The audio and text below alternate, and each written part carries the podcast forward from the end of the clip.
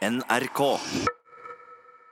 Men jeg skal si at, at samene og, og urfolksungdommer spesielt, at vi, vi har jo ingen val. Det er ikke noen som spør meg at, at skulle du ville bli sameaktivist. Det var ikke noen som frågade at skulle du ville bli med i en aktivistrørelse, utan, utan det har alltid handlet om, om tvang. Om at om jeg eller om vi ikke sier någonting så er det ingen som gjør det for oss. Nordsamiske Petra Laiti kommer fra Inari på finsk side av Sápmi. Hun er bare 23 år gammel, men kjenner allerede på et stort ansvar for at den samiske arven bæres videre.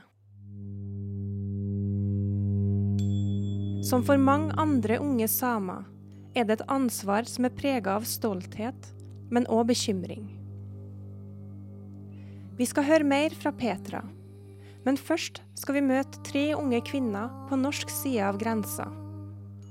For på tvers av landegrensene i Sápmi kjemper unge samer for å styrke det som nesten gikk tapt, gjennom århundrer med fornorskning og assimilering.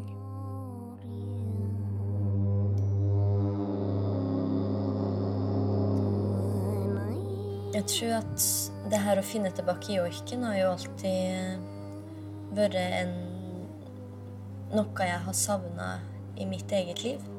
Hvorfor eh, Når man synger alle mulige andre sanger, så har alle folkemusikk, men ikke jeg. Så da måtte man jo på en eller annen måte finne, finne tilbake.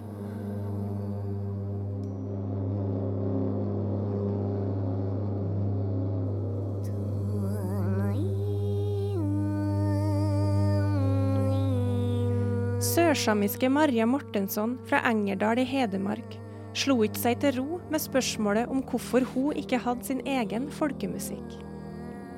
Lengselen fikk hun til å grave fram og vekke til live gamle sørsamiske joiker, som i lang tid var bortgjemt og nesten glemt. 23 år gamle Maria tilhører den unge generasjonen samer som skal forme framtidas Sápmi. De holdt tett omkring det som holdt på å bli tatt fra dem. Språket, identiteten, kunnskapen og joiken.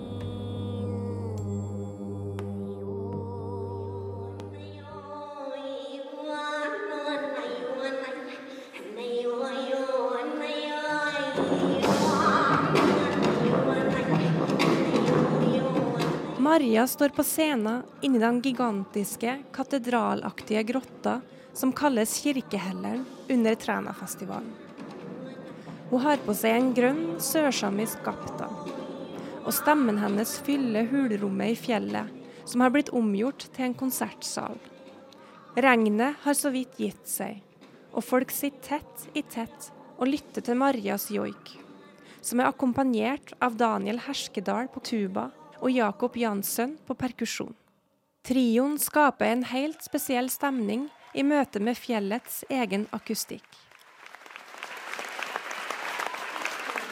Så utrolig hyggelig å få lov til å komme til fjellverden, til trærne og spille i fjellet.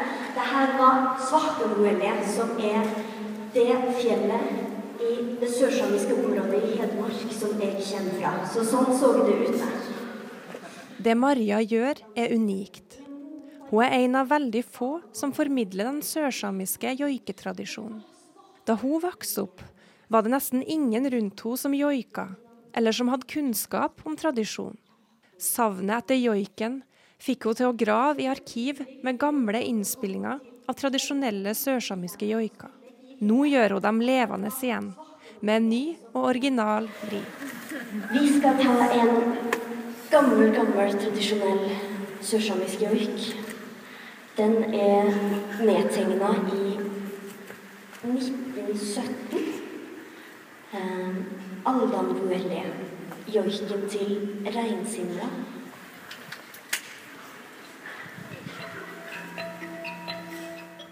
Joiken Muitstasse har samme navn som Marias andre album som kom ut våren 2018.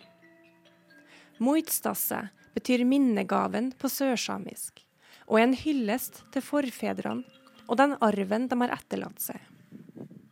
Marja forteller om hvordan bestemora opplevde at tradisjon var skambelagt.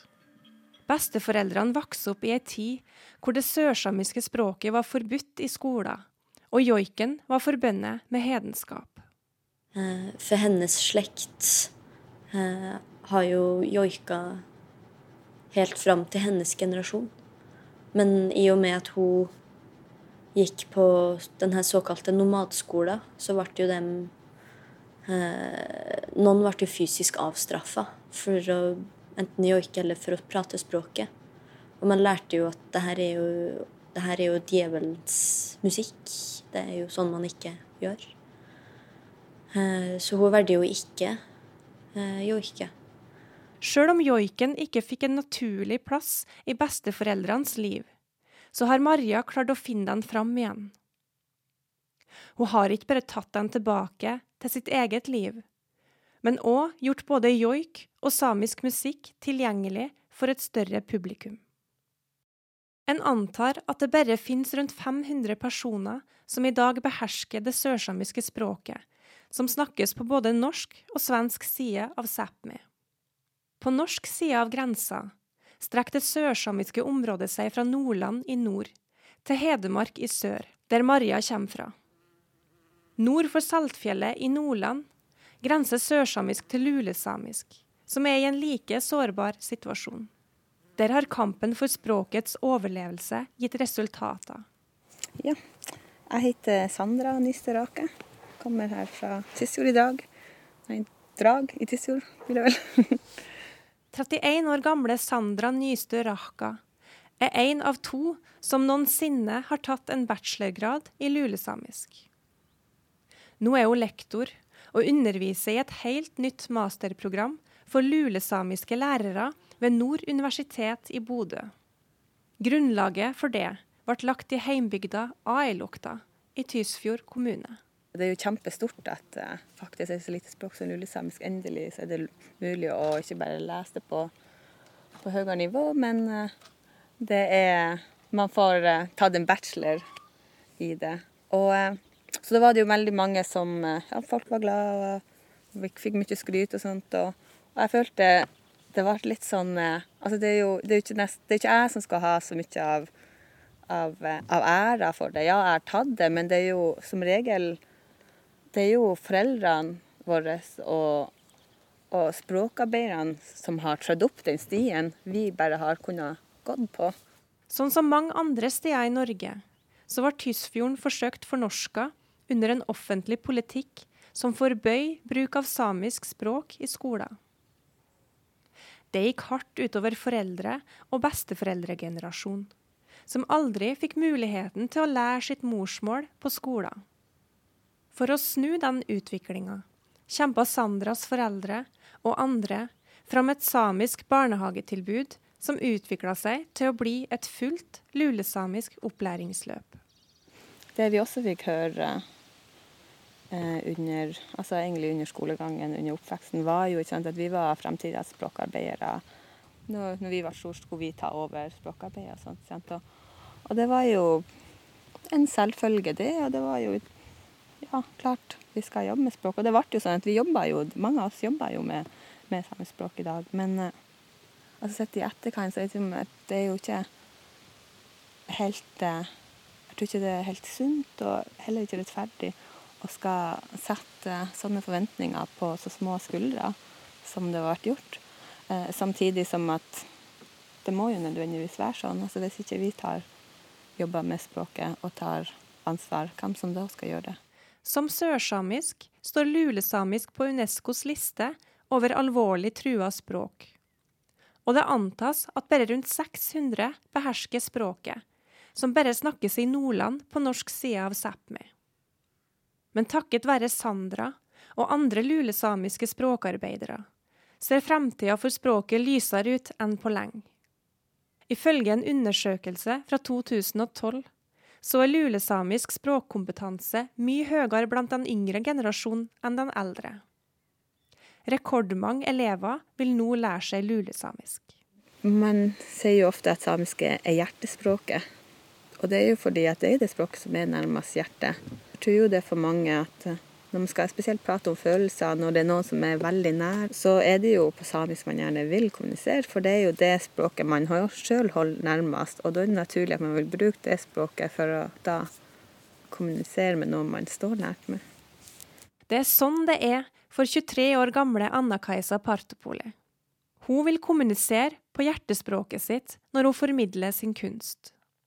Den tidligere lederen for Sametingets ungdomspolitiske utvalg er nå Sápmis første nordsamiske slampoet.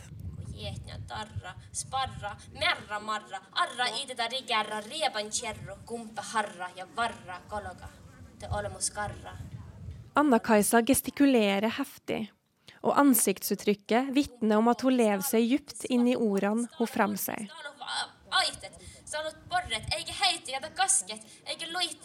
Sjøl dem som ikke forstår hva hun sier, blir grepet av rytmen og kraften i poesien hennes.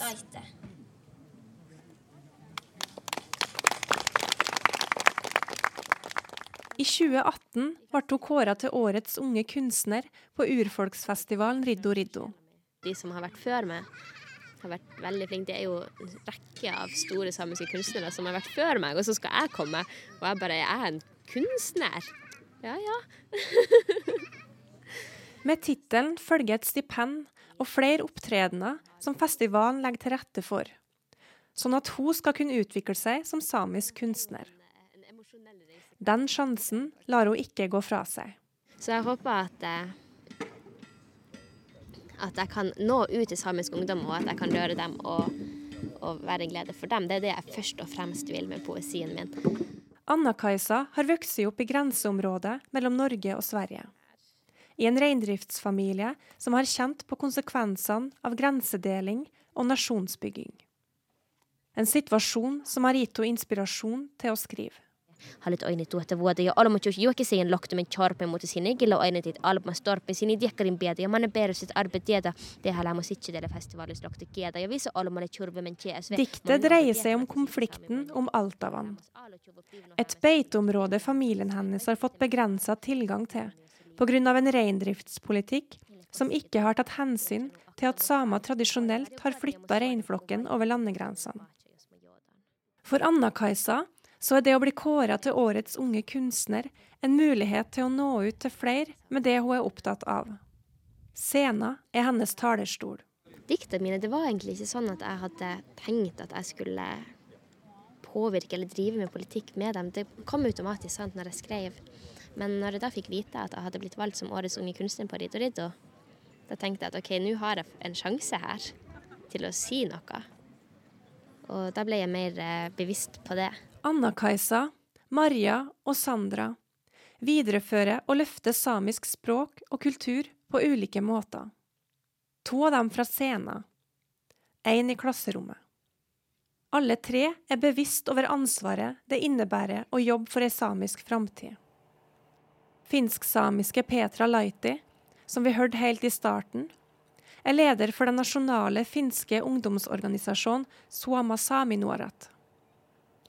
Hennes engasjement har brakt henne helt opp til FN-systemet, der hun taler mot den uretten hun mener den unge generasjonen og alle samer utsettes for.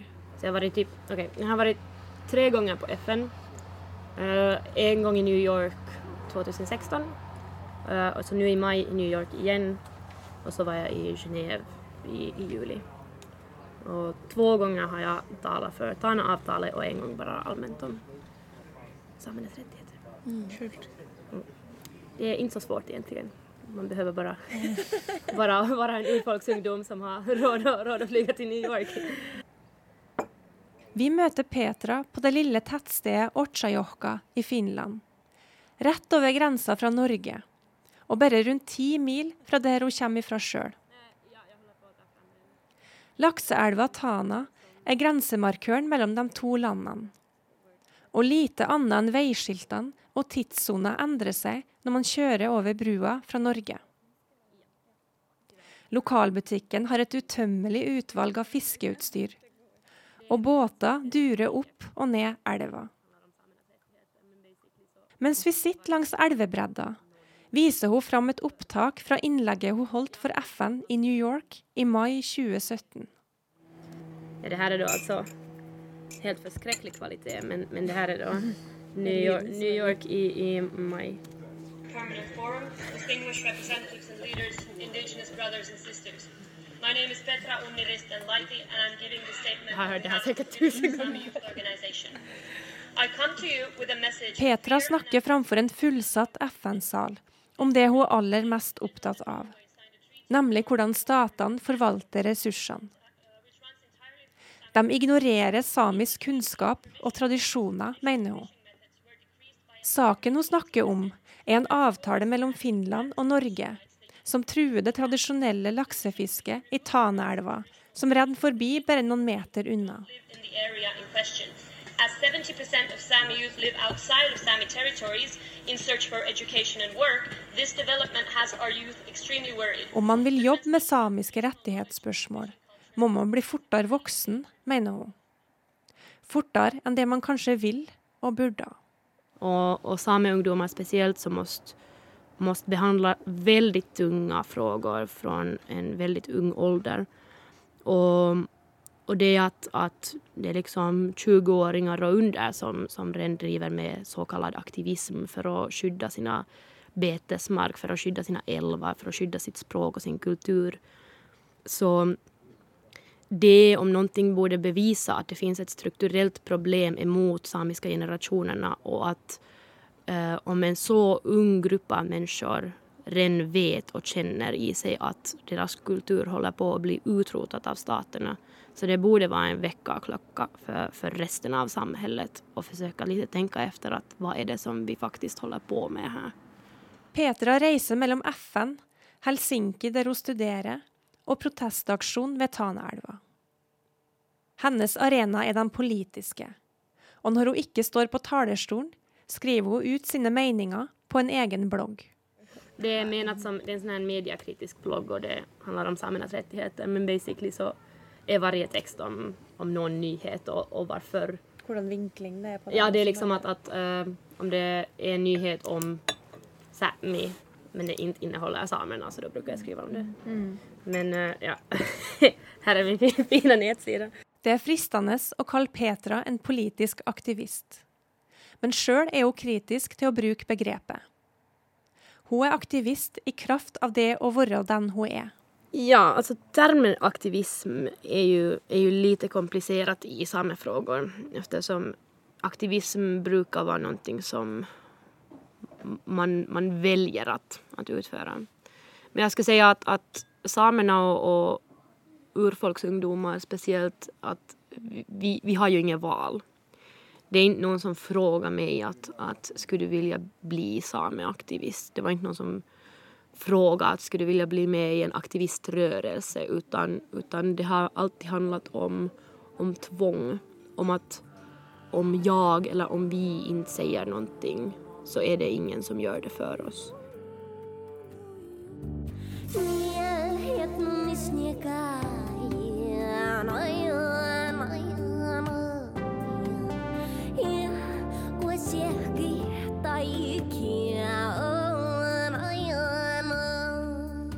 Det er Marja Mortenssons musikk vi hører her.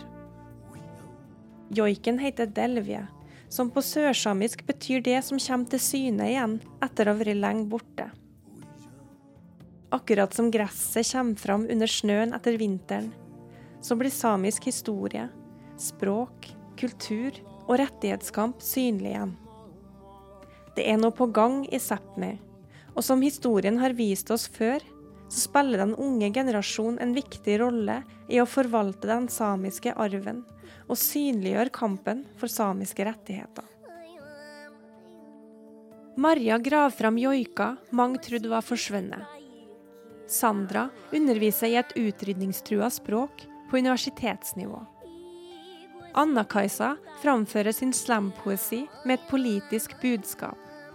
Og Petra reiser mellom en protestleir nord i Finland og rett til talerstolen i FN for å forsvare det samiske laksefisket. Det er de unge stemmene som skal legge grunnlaget for framtidas Sápmi. De fins på tvers av landegrensene, men om du skal høre dem, må du lytte.